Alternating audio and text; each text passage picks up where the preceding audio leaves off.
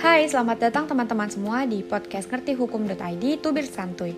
Bersama saya Mutia, kali ini kita akan membahas mengenai mengapa hak asasi manusia penting di dunia bisnis.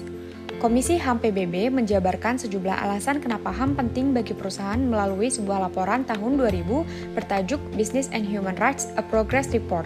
Adapun beberapa alasan tersebut ialah HAM merupakan kumpulan norma yang memiliki spektrum sangat luas, meliputi hukum nasional dan internasional. Oleh karena itu, perusahaan, khususnya berskala global, mutlak harus mematuhi ketentuan-ketentuan HAM yang berlaku agar terhindar dari potensi gugatan hukum.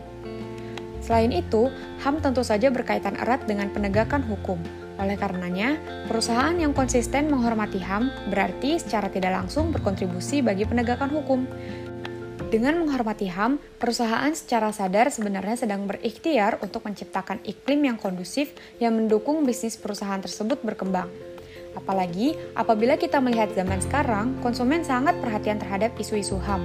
Perhatian tersebut bahkan dijadikan salah satu pertimbangan utama ketika konsumen ingin membeli suatu produk.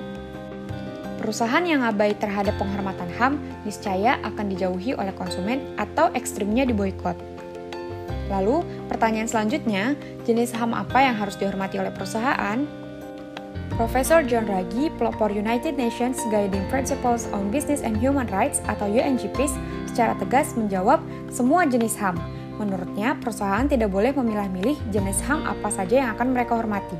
Adapun rujukan utama tentang jenis-jenis HAM yang berlaku secara internasional adalah Deklarasi Universal HAM atau DUHAM, yang di dalamnya memuat tidak kurang dari 30 jenis HAM.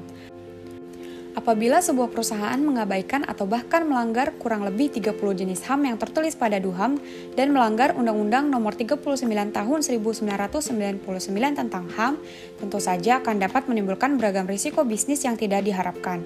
Contohnya, jika perusahaan melanggar HAM, maka akan muncul aksi unjuk rasa atau mogok kerja oleh pekerja perusahaan tersebut. Semoga tubir santuy kali ini dapat bermanfaat bagi kamu untuk menambah ilmu mengenai pentingnya hak asasi manusia di dunia bisnis. Jangan lupa follow kami di Twitter, Instagram, TikTok, LinkedIn, dan subscribe YouTube Ngerti Hukum ID dan kunjungi website kami di ngertihukum.id.